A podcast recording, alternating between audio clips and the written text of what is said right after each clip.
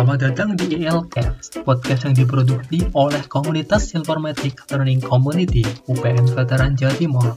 Di podcast ini, kita mengundang alumni Fakultas Ilmu Komputer untuk berbagi pengalaman baik semasa kuliah ataupun kerja. So, check it out! Halo teman-teman, selamat pagi. Kembali lagi di podcast ILJ episode 6 bersama saya Riko Putra Anugrah dan rekan saya Nama saya Muhammad Firmansyah. Oke, dan di episode 6 kali ini kami kedatangan narasumber yang kece banget yaitu Kak Anissa dan Kak Anissa boleh perkenalan diri. Oke, ya saya Anissa Raudia Wibowo. Biasanya sih kalau di kampus dipanggil Anbo ya. Jadi saya saat ini sih bekerja di PT Triasun Pulsa TBK sudah lebih dari setahun sih sejak lulus. Saya angkatan 2017 dari Sistem Informasi Fakultas Ilmu Komputer UPN. Oke. Apa itu uh, sistem informasi angkatan 2017 ya kak? Iya benar banget 17. Oke dulu Mm -hmm.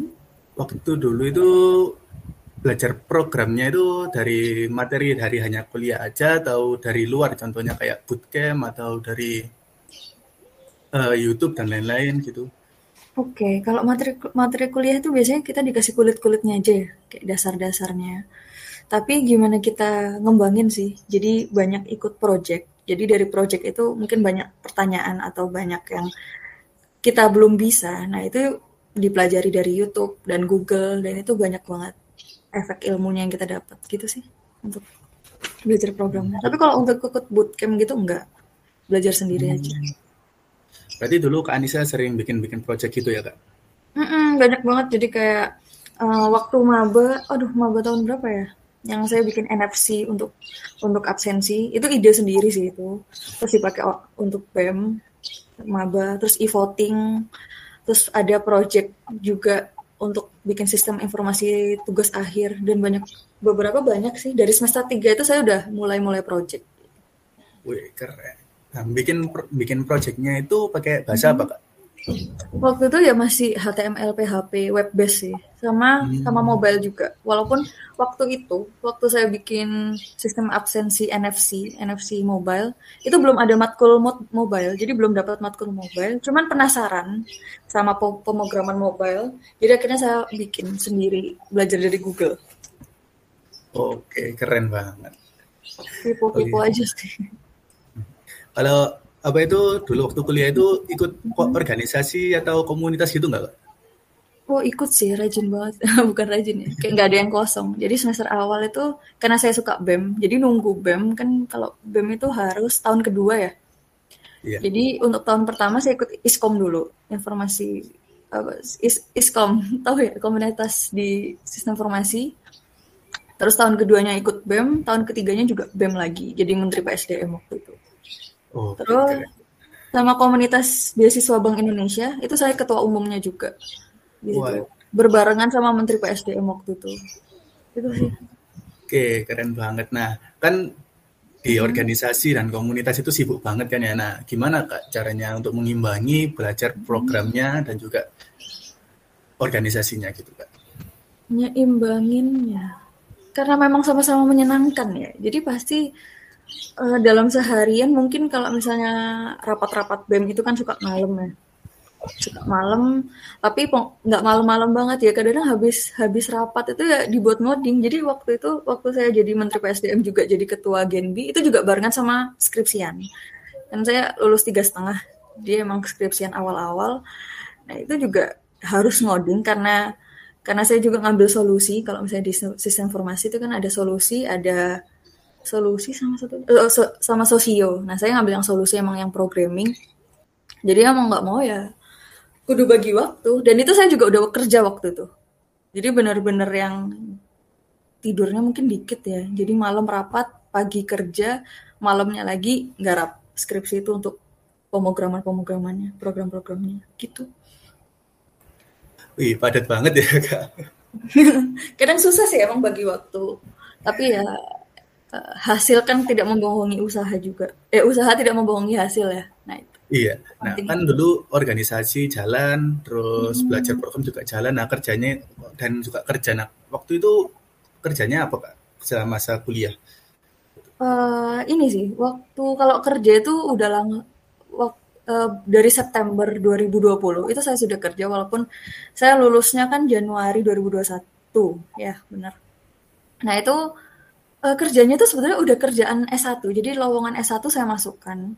Walaupun saya waktu itu belum lulus cuman dikuatkan pada portofolio. Jadi pada saat wawancara, pada saat pemberkasan, itu tuh apa yang pernah kita buat. Memang kan kita tuh dalam bekerja kadang-kadang tip apa kadang-kadang sarjana itu bakal ditanya kamu bisa apa kan, bukan kamu lulusan mana? Atau bukan kamu uh, dari ya lulusan mana, jurusan apa, tapi dari kamu bisa apa. Nah, itu saya jual portofolio dari project yang pernah saya buat. Terus saya yakinin bahwa memang di semester akhir itu cuman ada dua mata kuliah dan itu kan lagi pandemi juga jadi online kan ya nah itu saya masukkan di situ bahwa saya tinggal SKS juga tinggal dikit jadi saya bisa fokus juga kerja dan alhamdulillah ya lolos juga di kerjaan ya di kerjaan yang saya sekarang kerja itu BI BI di PT Triasentosa Tbk itu perusahaan multinasional terbesar nomor uh, terbesar kedua apa pertama di Asia perusahaan manufaktur Gitu. Oke, keren banget. Nah, kalau misalnya dulu waktu kuliah itu magangnya gimana kak? Mungkin bisa share-share pengalaman tentang magangnya gitu. Oke, magangnya sama di perusahaan manufaktur juga, dan itu kita megang megang IT-nya ke arah in, uh, sistem informasi inventory gudang. Jadi kita bikin program di situ pakai Oracle. Jadi rata-rata perusahaan itu kalau misalnya uh, desktop kan kita pakai VB juga ya. Nah itu kita pakai Oracle di situ. Gitu sih kalau waktu magang. Sempat sebulan waktu itu magang. Hmm, makanya cuma sebulan berarti kak? Mm -mm, waktu itu cuma sebulan. Oke. Nah, kalau misalnya skripsiannya itu tentang apa kak? Kalau misalnya skripsinya kakak? Mm -mm. kalau si skripsi, skripsi kan untung saya juga deket sama orang BI ya jadi ngambil topik Bank Indonesia Jawa Timur itu saya bikin sistem informasi kunjungan. Jadi seakan receh ya, padahal di dalamnya tuh orang BI itu minta banyak banget validasi. Nah, itu saya nonjolin back end-nya di situ. Karena saya memang suka pengolahan database ya. Jadi banyak validasi-validasi di situ. Jadi skripsinya topiknya Bank Indonesia. Web based oh. gitu. Oke. Okay. Nah, apa itu kan tadi bilang kalau misalnya sebelum lulus itu udah masuk kerja. Nah, mm -hmm. kan setelah lulus, setelah lulus apa itu kakaknya S2. Nah, itu apa itu S2 nyambi juga kerja gitu kan? Wih, pastinya. Ini saya sudah udah udah tra, udah UAS semester 2. Jadi sebentar lagi udah semester 3 dan itu kalau bagi S2 semester 3 ini semester terakhir. Jadi tinggal tesis aja sama beberapa mata kuliah peminatan. Itu oh, ya sama berarti, sekarang berarti masih melanjutkan S2 berarti Kak? Masih, kurang satu semester lagi. Oke. Kenapa kok Kak? Kenapa kok memutuskan untuk S2 Kak? Um, kenapa memutuskan S2? Karena memang kadang-kadang orang mikir dulu, dulu sih sebenarnya nggak kepikir ya untuk S2. Toh yang ditanya itu orang bisa apa ya, bukan kita sarjana atau kita magister. Tapi kadang-kadang nilai jual kita akan nambah, namanya uh, personal branding. Itu. Jadi dengan kita mungkin dua titel, jadi Eskom sama MM kan saya ngambil magister manajemen. Jadi ya orang lebih bisa ngelihat lebih bisa ngelihat sih. Mungkin kompetensi kita sama dengan misalnya kita lagi ngelamar ke suatu tempat kompetensi kita sama. Tapi dilihat kita mempunyai gelar yang lebih yaitu akan diprioritaskan. Oke oke. Keren keren keren banget. Gitu sih. Waduh kelihatannya kak Anissa ini orang yang sangat aktif dan energik dalam dunia perkuliahan ya sekarang lanjut ke pertanyaan tentang kerjaannya kak mm -mm. Kak Anissa tadi katanya bekerja di di mana kak PT Triasentosa Tbk. Uh, di sana itu Kak Anissa sebagai apa dan kesehariannya bagaimana Kak ya? Boleh di-share nggak ya? Oke, okay. uh, uh, pekerjaannya di sana saya sebagai IT OLAP. Nah, kalau IT OLAP ini ke arah BI, jadi Business Intelligence Engineering, jadi pengolahan data yang disajikan untuk BOD. Jadi user-user user user-user untuk BI ini sangat krusial. Anggapannya kayak owner-ownernya perusahaan itu sebagai user kita atau customer kita. Kayak gitu. Jadi pengolahan ya basicnya dari back end dulu. Terus ya kita lebih ke kalau misalnya kalian tahu data warehouse, jadi ada OLAP, ada OLTP. Nah, itu kita main di situ juga SSIS, integration system. Itu juga kita main di situ. Nah, untuk selanjutnya karena memang pergerakan apa ya IT ini kan sangat berkembang ya, sangat berkembang di mana sekarang SQL itu juga sudah mulai ditinggalkan gitu. Jadi sudah mulai beralih ke BI tapi kita menggunakan SAP. SAP ini suatu apa ya, suatu aplikasi atau kalian tahu tentang ERP. Jadi perusahaan besar itu pasti pakai SAP untuk memanajemen proses bisnis di perusahaannya. SAP ini ada pemrograman yang namanya ABAP, ABAP ABAP programmer, eh, ABAP programming. Nah, itu yang saya sekarang lebih menggeluti BI dalam SAP tersebut gitu sih. Kalian pasti agak bingung gak sih bahasa-bahasa yang tak yang saya jelasin? Iya, kelihatannya memang kurang familiar dari yang dijelaskan kurang, ya? Kak Anissa tadi. Hmm, emang sih. Awal lulus juga saya nggak paham, banyak nggak pahamnya karena emang di selama kuliah itu cuma cuman apa ya kulit kulit kulitnya doang kalau misalnya kita ternyata sudah terjun ke dunia kerja itu banyak banget yang harus kita pelajari lagi. Oke kak, selanjutnya kenapa sih kak Anissa ini memilih untuk menjadi business intelligence developer khususnya kan tadi masuk ke software SAP mm -hmm. dan juga ABAP. Kenapa milih SAP dan ABAP? Kenapa enggak Odoo misalnya kan juga ERP yang terkenal okay. saat ini. Hmm. Oh ya, waktu kuliah kita pasti diajarinnya Odoo ya. Kalau misalnya kuliah. Kalau SAP, SAP ini apa ya? Kayak ERP terbesar ya. Jadi juga mahal lisensinya. Jadi memang hanya perusahaan-perusahaan besar. Dan harga jual kita sebagai SAP konsultan itu juga mahal dibanding mungkin ERP-ERP yang lain seperti itu. Terus untuk kenapa saya milih ke arah BI? Karena BI ini apa ya? Hmm, tidak hanya logika yang kita gunakan, juga gimana caranya kita uh, menservis user-user BOD atau uh, atau orang-orang pentingnya perusahaan. Kita kan juga megang data-data krusial di perusahaan.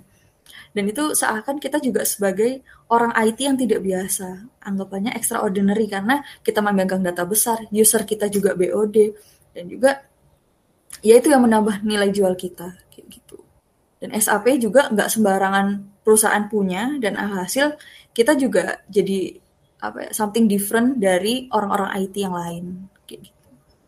Oh keren banget kak keren berarti ini dari hmm. SAP sendiri tuh nilai jualnya dari uh, jarangnya orang menggunakan SAP tadi ya.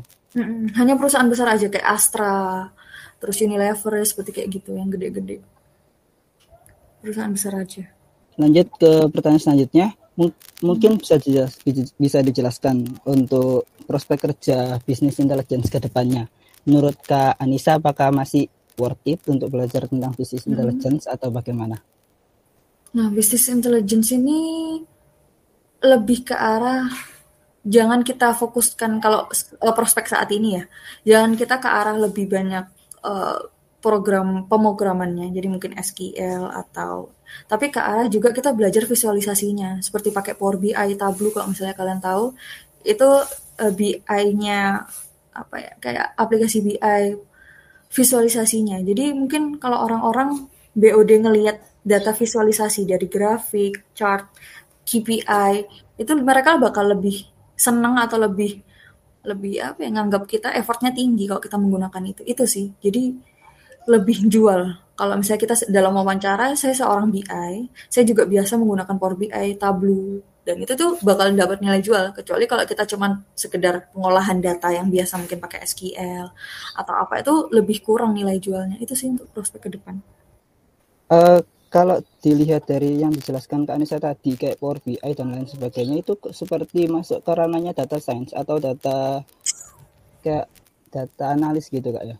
Atau Hmm, kalau itu sih analis itu kan kayak mereka rata-rata juga udah data matang yang mereka bisa sajikan atau visualisasi ya. Tapi kalau uh, tapi kalau BI ini ini lebih ke arah dari pengolahan itu, dari pengolahan mungkin mereka dari user ini ingin menampilkan suatu data. Nah, kita kan dari pengolahan itu, kita mungkin dapat informasinya. Dari informasi itu kita wujudin ke visualisasi. Kadang-kadang memang BI sama BA itu ba banyak banget kolaborasinya kayak gitu. ini aku juga lagi megang project yang kolaborasi sama BI sama BA juga itu kolaborasi. Nah, mereka Oh, gitu. satuan sih anggapannya. Berarti masih ada singgungannya antara Nah, keduanya. benar. Oke, selanjutnya kalau mau jadi bisnis intelligence nih atau BI seperti Kak Anissa, apa saja sih eh, misalnya kayak sertifikasi atau apa gitu yang harus disiapkan oleh kami sebagai mahasiswa misalnya. Kalau itu yang penting portofolionya ya. Mungkin kalian jual project-project yang pernah dibuat dan kalian sebagai apanya di situ. Mungkin dari sisi front end itu juga bisa ketika kalian mungkin bisa memvisualisasikan sesuatu. Tapi kalau dari sisi kalian memang lasa- lebih ngerasa ke back endnya, kalian bisa jual bahwa pernah membuat program apa yang database-nya kuat. Itu juga kita bisa jual dan juga mungkin udah mulai ikut workshop-workshop udah mulai banyak sih tentang Power BI, tentang Tableau, tentang mikrostrategi. Itu tuh banyak eh, banyak udah mulai banyak workshopnya. Jadi itu bisa buat nambah-nambah kita di CV juga kalau ikut-ikut kayak gitu. Oh ya, sama satu lagi tuh public speaking-nya harus bagus ketika wawancara karena kan kita eh, memvisualisasi tapi tidak bisa menjelaskan itu kan juga bakal kurang kayak gitu. Oh, benar-benar. Berarti kalau dari Kak Anissa sendiri untuk sertifikasi yang khusus untuk BI nggak terlalu disarankan atau memang belum ada gitu, Kak? Eh, kalau kalau misalnya ini anggapannya kita fresh grade graduate ya untuk ngelamar. Itu dirasa ngik- ikut satu dua satu dua workshop. Jadi bukan seminar ya kalau seminar kan kita rasanya lebih ke mendengarkan. Tapi kalau workshop kan kita juga ikut ikut praktek gitu. Itu udah cukup sih nggak usah sampai sertifikasi. Kan kita masih fresh graduate juga. Semisal nih, kalau Mhm. dari Kak Anissa kan sudah pengalaman jadi BI. Kalau Kak Anissa punya saran nggak untuk sertifikasi khusus untuk BI? sertifikasi saya kurang tahu sih kalau sertifikasi tapi kalau workshop saya tahu banyak metrodata apa itu banyak yang banyak yang buka dan itu ya kita dapat sertifikat juga sih tapi kalau khusus untuk menjadi seorang BI eh, sertifikasinya saya kurang tahu Oh, begitu. Berarti memang untuk dari workshop sendiri sudah cukup mengcover itu semua, Kak ya. kalau untuk kelamaran fresh graduate saya rasa cukup sih Oh iya Kak, tadi kan Kak Anissa menjelaskan tentang bahasa pemrograman. Nah, di sini kan Kak Anissa tadi menyebutkan tentang ABAP atau yang lain. Memang bahasa pemrograman favorit Kak Anissa sekarang apa sih? favorit kalau saat ini kan SQL cuman rasanya eh, kita harus next level ya ketika ketika mungkin kita sudah bukan puas ya sudah sudah di zona nyaman ya anggapannya. Jadi saya lebih sekarang ke ABAP itu karena memang pemrogramannya logik logik pemrogramannya ini beda. Jadi kadang karena saya basicnya emang SQL jadi kadang logik SQL ini saya masukkan ke ABAP dan itu tuh nggak kena ternyata. Dan itu bikin saya penasaran jadi saya sekarang lebih suka ke ABAP sih Berarti ABAP ini bukan semacam SQL gitu Kak, ya? bukan macam SQL programming language atau ABAP ini punya kayak paradigma tertentu. Eh, Apa? ABAP ini ya hanya pemrograman SAP aja jadi ya diperuntukkan untuk membuat program SAP kayak gitu Berarti bukan general programming language kayak Java. bukan ya bukan dia hanya untuk SAP aja Di eh, pemrograman SAP sendiri kan mungkin ada beberapa jenis programming language Kak selain ABAP. Kenapa kok Kak, Mhm. Kak Anissa milih ABAP sebagai pemrograman yang digunakan saat ini? oh kalau untuk SAP memang hanya ABAP sih. Oh, pemrogram. hanya- oh, dan saya misalnya kira ya. SAP ini datanya turun ke SQL ya. Kita combine sama SQL ketika data itu turun. Kayak gitu aja sih. Tapi kalau pemrograman benar-benar anggapannya kayak kita desktop gitu. Kayak kita bikin pemrograman desktop kita bakal pakai Visual Basic ya Iya. Mm-mm. jadi kayak gitu itu khusus sih tapi kalau Visual Basic kan kadang-kadang bisa digunakan untuk yang lain tapi kalau ABAP ini ya hanya untuk SAP aja dan itu harga jualnya tuh tinggi banget karena memang kita nggak bisa belajar misalnya kita we, eh, misalnya kita belum masuk ke perusahaan yang pakai SAP kita mau belajar gimana kan kita harus punya lisensinya dulu gitu nggak ada free trialnya gitu kayak Nggak misalnya. kayak Odo itu kan ada tapi kan dia ke arah web base ya sama desktop. Iya. Dia general juga bahasanya. Beda sama SAP yang pakai ABAP. Jadi kita harus masuk ke perusahaan keren dulu baru bisa belajar ABAP. Jadi Susah nilai juga akhirnya. ABAP ini tinggi banget dan wow, kadang-kadang ini aja saya kan LinkedIn eh, nulis ABAP ya, ABAP developer. Dan itu tuh banyak banget perusahaan itu yang ngecek ngechat saya padahal kan saya juga baru-baru berapa ta- belum setahun kayaknya saya nulis itu jadi ABAP dan itu tuh udah banyak yang nawarin perusahaan-perusahaan nawarin lowongan tentang ABAP itu buat saya gitu. Mereka tertarik karena memang susah sih nyari ABAPer. Kalau kita sebagai ABAP itu ABAPer. Waduh, waduh. Keren ternyata ya sebagai apa per di ABAPer ya. masa Lebih asik ini. Kalau SQL itu kan banyak orang yang bisa kan karena emang belajarnya Iya, lebih di mana-mana juga banyak bisa. eh, resource untuk belajar jadi Nah, benar. Kalau ABAP ini langka banget jadi nilai jualnya tinggi banget kalau misalnya kita bisa ABAP. Gitu. Oke, selanjutnya untuk pertanyaan tentang pekerjaan ini yang terakhir sih Kak. Jadi ada dari Kak Anissa kan dari sekian lama jadi business intelligence atau eh, ada nggak sih saran atau tips untuk para pendengar kita yang tertarik di dunia business intelligence? Hmm, tipsnya.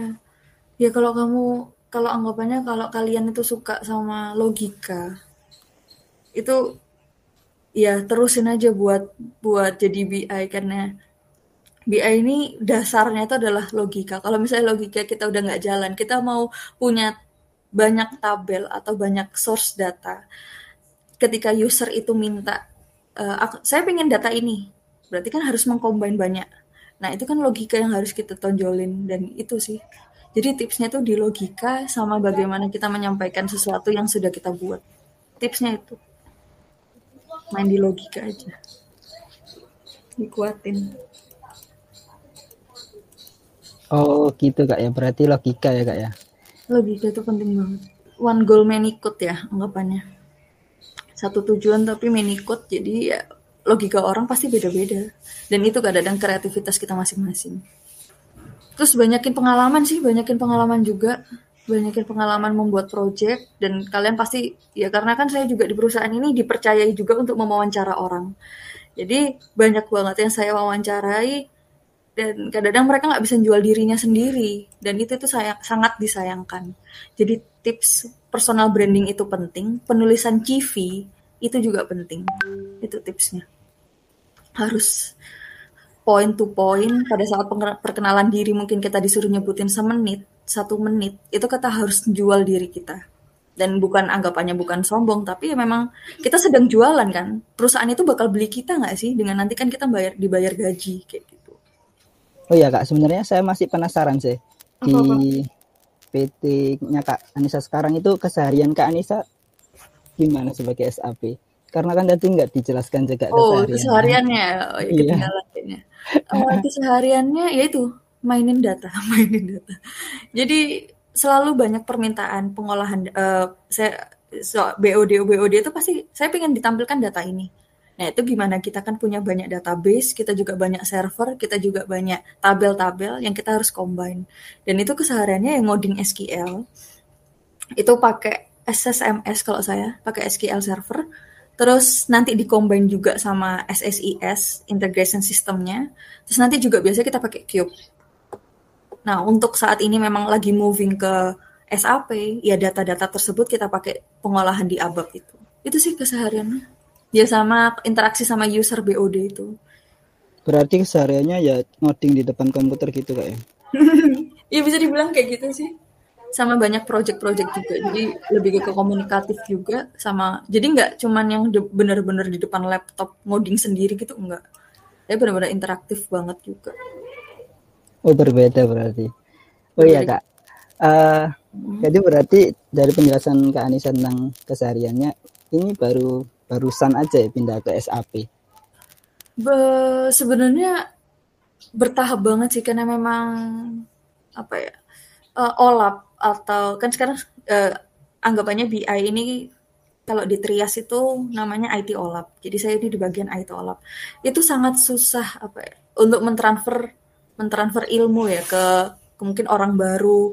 Jadi agak lambat saya untuk pindah ke SAP karena ya saya, saya masih digeluti atau menjadi kayak orang yang sangat menghandle olap itu. Jadi kalau SAP itu sebenarnya saya dari Maret, cuman ya fokus-fokusnya baru yang 2022 ini. Gitu. Kan data oh, berarti memang susah untuk cari resource uh, nah, iya. Ya? Olap ini apa ya? anggapannya kayak cuman orang kepercayaan yang bisa dipilih ke OLAP, bukan orang kepercayaan ya. Maksudnya mungkin pada saat wawancara itu gimana kita body language-nya juga, terus mungkin tata bahasa kita itu uh, itu harus meyakinkan seorang manajer untuk memilih kita sebagai anak OLAP, anak OLAP ya anggapannya kalau misalnya di Trias kayak gitu. Karena kan kita megang data krusial, user kita juga orang yang punya Trias gitu loh, anggapannya owner-ownernya. Jadi kita tuh ngebuat peta ngebuat peta di mana BOD itu bakal nyetir kapal, kapal itu perusahaan. Dan peta itu kan nggak boleh salah. Nah itu yang harus orang-orang yang anggapannya kompeten yang masuk OLAP kayak gitu. OLAP ini berarti semacam tools atau bagaimana oh, Kak? Enggak sih, OLAP ini divisi. Jadi orang B, BI di di Trias ini namanya IT OLAP. Gitu. Oh begitu. Bagiannya, bagian. Bagian. Jadi semacam divisi gitu ya. Iya, kan kita IT juga dibagi-bagi banyak, SAP MM. Kalau SAP itu kan banyak modul, kalau kamu tahu Odo, Odo itu kan juga banyak modul, purchasing. Iya, yeah.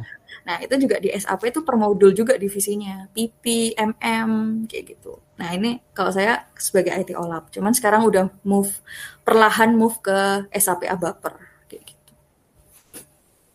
Oke, selanjutnya uh, saya juga penasaran, suka dukanya Kak Anissa sebagai SAP atau Abaper developer ini gimana Kak?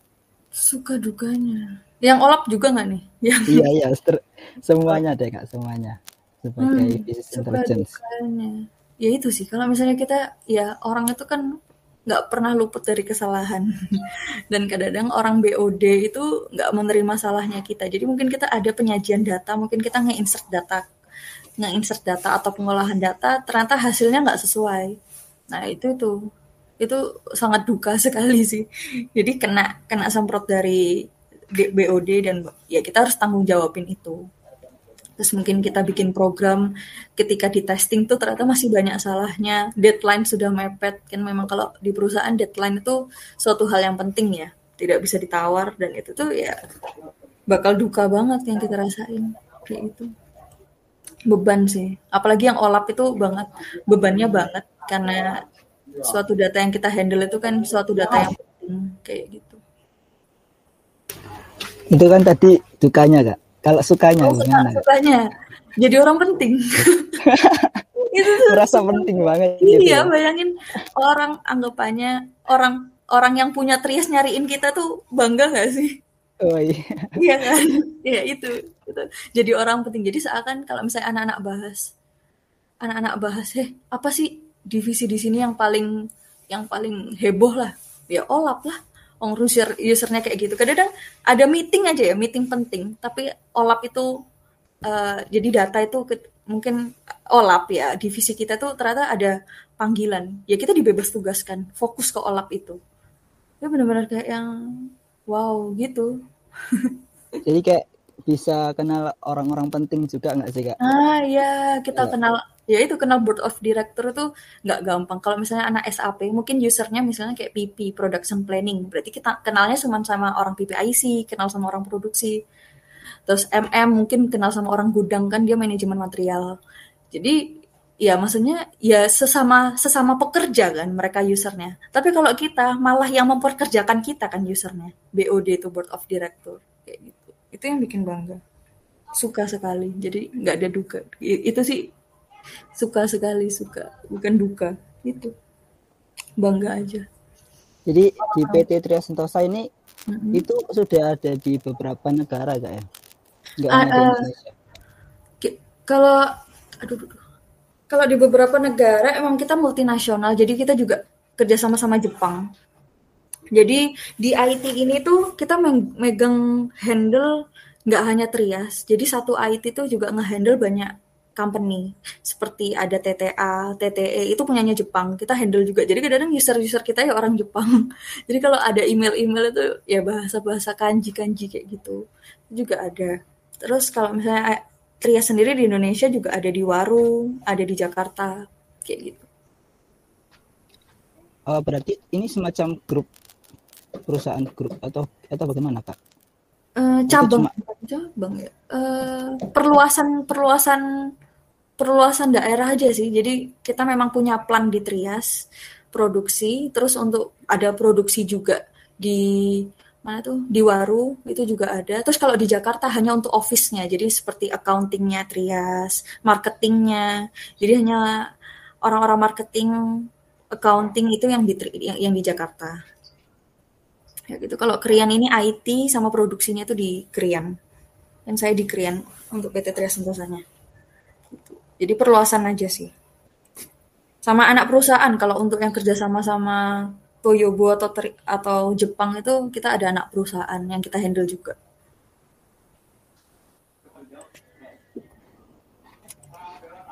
Oh iya kak, tadi kan dijelaskan suka dukanya ya. Hmm. Uh, kak Anissa ini ada uh, pernah nggak sih kayak salah banget gitu terus kayak dimarahin terus uh, bisa dijelas bisa boleh diceritakan nggak sih kalau ada pengalaman yang seperti itu? Uh, nggak tahu ya, saya tuh tipe kalian berhati-hati banget. Jadi kayak ya emang terkenal olap itu sangat krusial. Jadi di mana setiap menyajikan data atau setiap memasukkan data, setiap mengolah data itu double check banget. Kadang-kadang teman aja saya suruh ikut ngecek. Maksudnya teman yang dalam dalam olap juga ya. Jadi kalau untuk kesalahan kadang-kadang ada early warning uh, early alert warning gitu namanya EWA dan itu tuh kadang suka ketinggalan jadi ketika mungkin ada data yang tidak sesuai itu kan ada ewanya nah itu kadang suka luput nah itu pernah juga itu terjadi dan ya mau nggak mau saya buat PPT jadi kalau misalnya anak IT itu kalau misalnya buat salah itu tuh buat root cause. Buat PPT kenapa kamu salah? Solusinya apa? Biar biar uh, memperbaiki kesalahan itu. Sama uh, dari purpose solution itu juga learning. Learning kayak apa pembelajaran dari hal salahmu. Nah itu aku pernah bikin juga PPT itu dan ya mempresentasikan. Nah, itu sangat menyedihkan sih aduh itu pernah pernah loh ada teman saya juga yang salah partner saya itu malah langsung dipindah pindah divisi jadi udah bukan olap lagi langsung dikeluarkan dari olap langsung pindah divisi dan nggak lama dia keluar. Itu pernah ada juga. Jadi Olap ini benar-benar kalau salah itu wow banget sih. Kayak langsung jelek nama kita bad name. Gitu. Tapi kalau misalnya salahnya krusial banget sampai dipindahkan itu. Tapi kalau semacam kesalahan yang mungkin masih kita bisa perbaiki, masih kita bisa presentasikan, itu ya nggak apa-apa.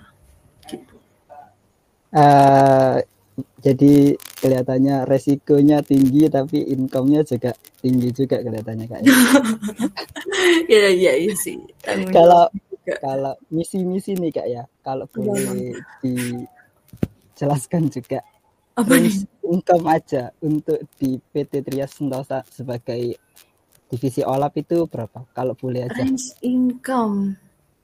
Range income. Kalau misalnya Hmm, ini kan saya udah bukan fresh graduate lagi ya. Jadi ya range-nya hmm, berapa ya? ah, susah nih. Ya, saya, saya, saya, aku pingin pingin baca pikiran kalian rata-rata berapa? Kalau saya sih sudah dua digit kak. Oh dua digit enggak lah, enggak sampai. Kalau misalnya gini, kalau misalnya kita satu sampai dua tahun ini masih dianggap fresh graduate Oh berarti masih junior ya? Masih ya kita udah sebagai senior sih di perusahaan. Cuman kalau misalnya dibaca oleh perusahaan ya kita masih fresh graduate. Cuman memang memang dari salary kita berbeda sama divisi-divisi lain. Jadi ya nggak sampai dua digit, cuman ya sekitaran segitu. sekitaran segitu berarti dua digit ya? Ya di dikit di bawah dikit. Yes gitulah. Mungkin kalau misalnya dua digit itu uh, tiga tahun apa tiga tahun sampai sampai ya lebih dari tiga tahun itu kalau sampai dua digit. Itu. Oh berarti memang worth it ini teman-teman bagi para pendengar itu untuk apalagi mungkin kalian pernah juga ngewawancarain tadi aku baca si fitnya ada anak Unilever ya? Itu juga PMA kan ya? Iya, itu PMA juga gajinya gede banget. Itu. Jadi memang cari aja perusahaan yang multinasional cari perusahaan yang besar. Ya nggak perlu BUMN cuman swasta swasta yang besar itu juga insya Allah bakal worth it kalian buat perjuangin gitu. kalau BUMN kan rata-rata ditempatkan di seluruh Indonesia ya ampun kayak merantau banget tapi kalau swasta mungkin swasta besar masih kita bisa kejar sesuai daerahnya kalian masing-masing gitu. Wow, wow, wow. Keren-keren Kak pengalamannya Kak. Ya. Jadi pembicaraan tentang SAP ini kayak enterprise banget gitu. Saya kalau uh, kurang kurang tahu sebenarnya tentang ERP. Tahunya saya kan tentang Odoo. Jadi saya tahu tentang SAP tadi itu kayak ternyata ada ya kayak yang kayak gini gitu. Nggak ada resource untuk belajarnya tapi nah, ada iya. job yang kayak gini ternyata dan Jadi income-nya ya, juga. Wow. uh, ada senior saya itu malah akhirnya direkrut sama direkrut sama si, uh, Singapura dan mereka itu satu bulannya udah 80 juta. Wow banget ya sih. Motivasi ya. buat saya juga. Bener-bener jadi motivasi itu. Uh, uh, kalau ngeliat orang-orang kayak gitu, wow wow wow. gitu. Keren sih. Kalian belajar-belajar belajar belajar yang penting dikuatin logikanya aja jadi kalian nanti jadi kan bakal di training juga misalnya ada lowongan abab ya coba kalian masukkan bahwa saya saya untuk logika berpikir saya bisa saya dasarnya dari back end ya nanti bakal di training untuk jadi abaper itu banyak fresh graduate yang jadi abaper jadi kita ngajarin dari awal anak-anak barunya jadi jangan pernah takut lah gaspol aja tabrak tabrak gitu BI juga keren sih. Jadi gaspol aja. Loh, ini Firmansyah ini dari informatika atau info ya, ini? Iya, kita uh, kita ya? kebanyakan informatika sih, Kak. Oh, tapi ada SI-nya juga ada? Ada sih kelihatan. Kita nggak membatasi, ya? iya kak, tidak membatasi untuk teman-teman dari SI untuk masuk sih. Mantap iya soalnya kok paham Odo juga kalau misalnya saya kira cuman SI aja yang diajarin ERP kan ada mata kuliahnya sendiri kalau uh, di informatika ada sih kak. Oh ada juga? ERP, ERP ya? Namanya ERP juga ya benar. Iya ERP hmm. itu pakai Odo juga sih dulu.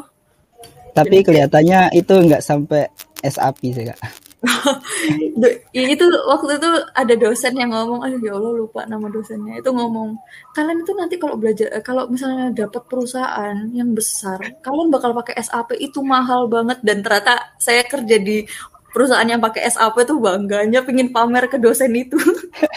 dosen itu juga belum pakai SAP sih. Wow, jadi kayak melampaui gitu ya soalnya dia mengu apa beliau mengunggulkan SAP di saat saya juga nggak tahu SAP itu apa waktu itu kan. Ini kalian berarti udah belum tes belum skripsian ya? Kalau 2019 kelihatannya skripsian sekarang itu angkatan 2018 kak. Oh 2018 ya iya sih. Iya. Okay. kalau sekarang kelihatannya dari kurikulum baru itu agak susah kak untuk tiga koma tiga tiga setengah. Jadi Kenapa? harus hmm. mentok ke empat tahun gitu Ya yang penting kalian udah mateng sih percuma juga lulus tapi maksudnya kalian ternyata ditanya kalian bisa apa kalian nggak bisa nyebutin mending tahan dulu. Banyak banget itu yang belum belum bisa goal juga untuk kerjaan ya karena mungkin ya ya nggak tahu ya mungkin kurang persiapan apa emang pengen jadi ya rata-rata juga ada yang pengen jadi pengusaha ya. Jadi ya beda lagi. Tapi pokoknya matengin dulu aja kalian setidaknya bisa jawab kalian bisa apa itu kalian bisa jawab itu pertanyaan yang yang simple tapi susah jawabnya ketika kita mungkin tidak bisa mempersiapkannya. Uh, Oke kak, baik terima kasih sudah hadir di podcast ILC kali ini. Sekian episode ILCast kali ini, semoga dapat memberikan wawasan bagi kita semua. Terima kasih, salam dari kami, ELT.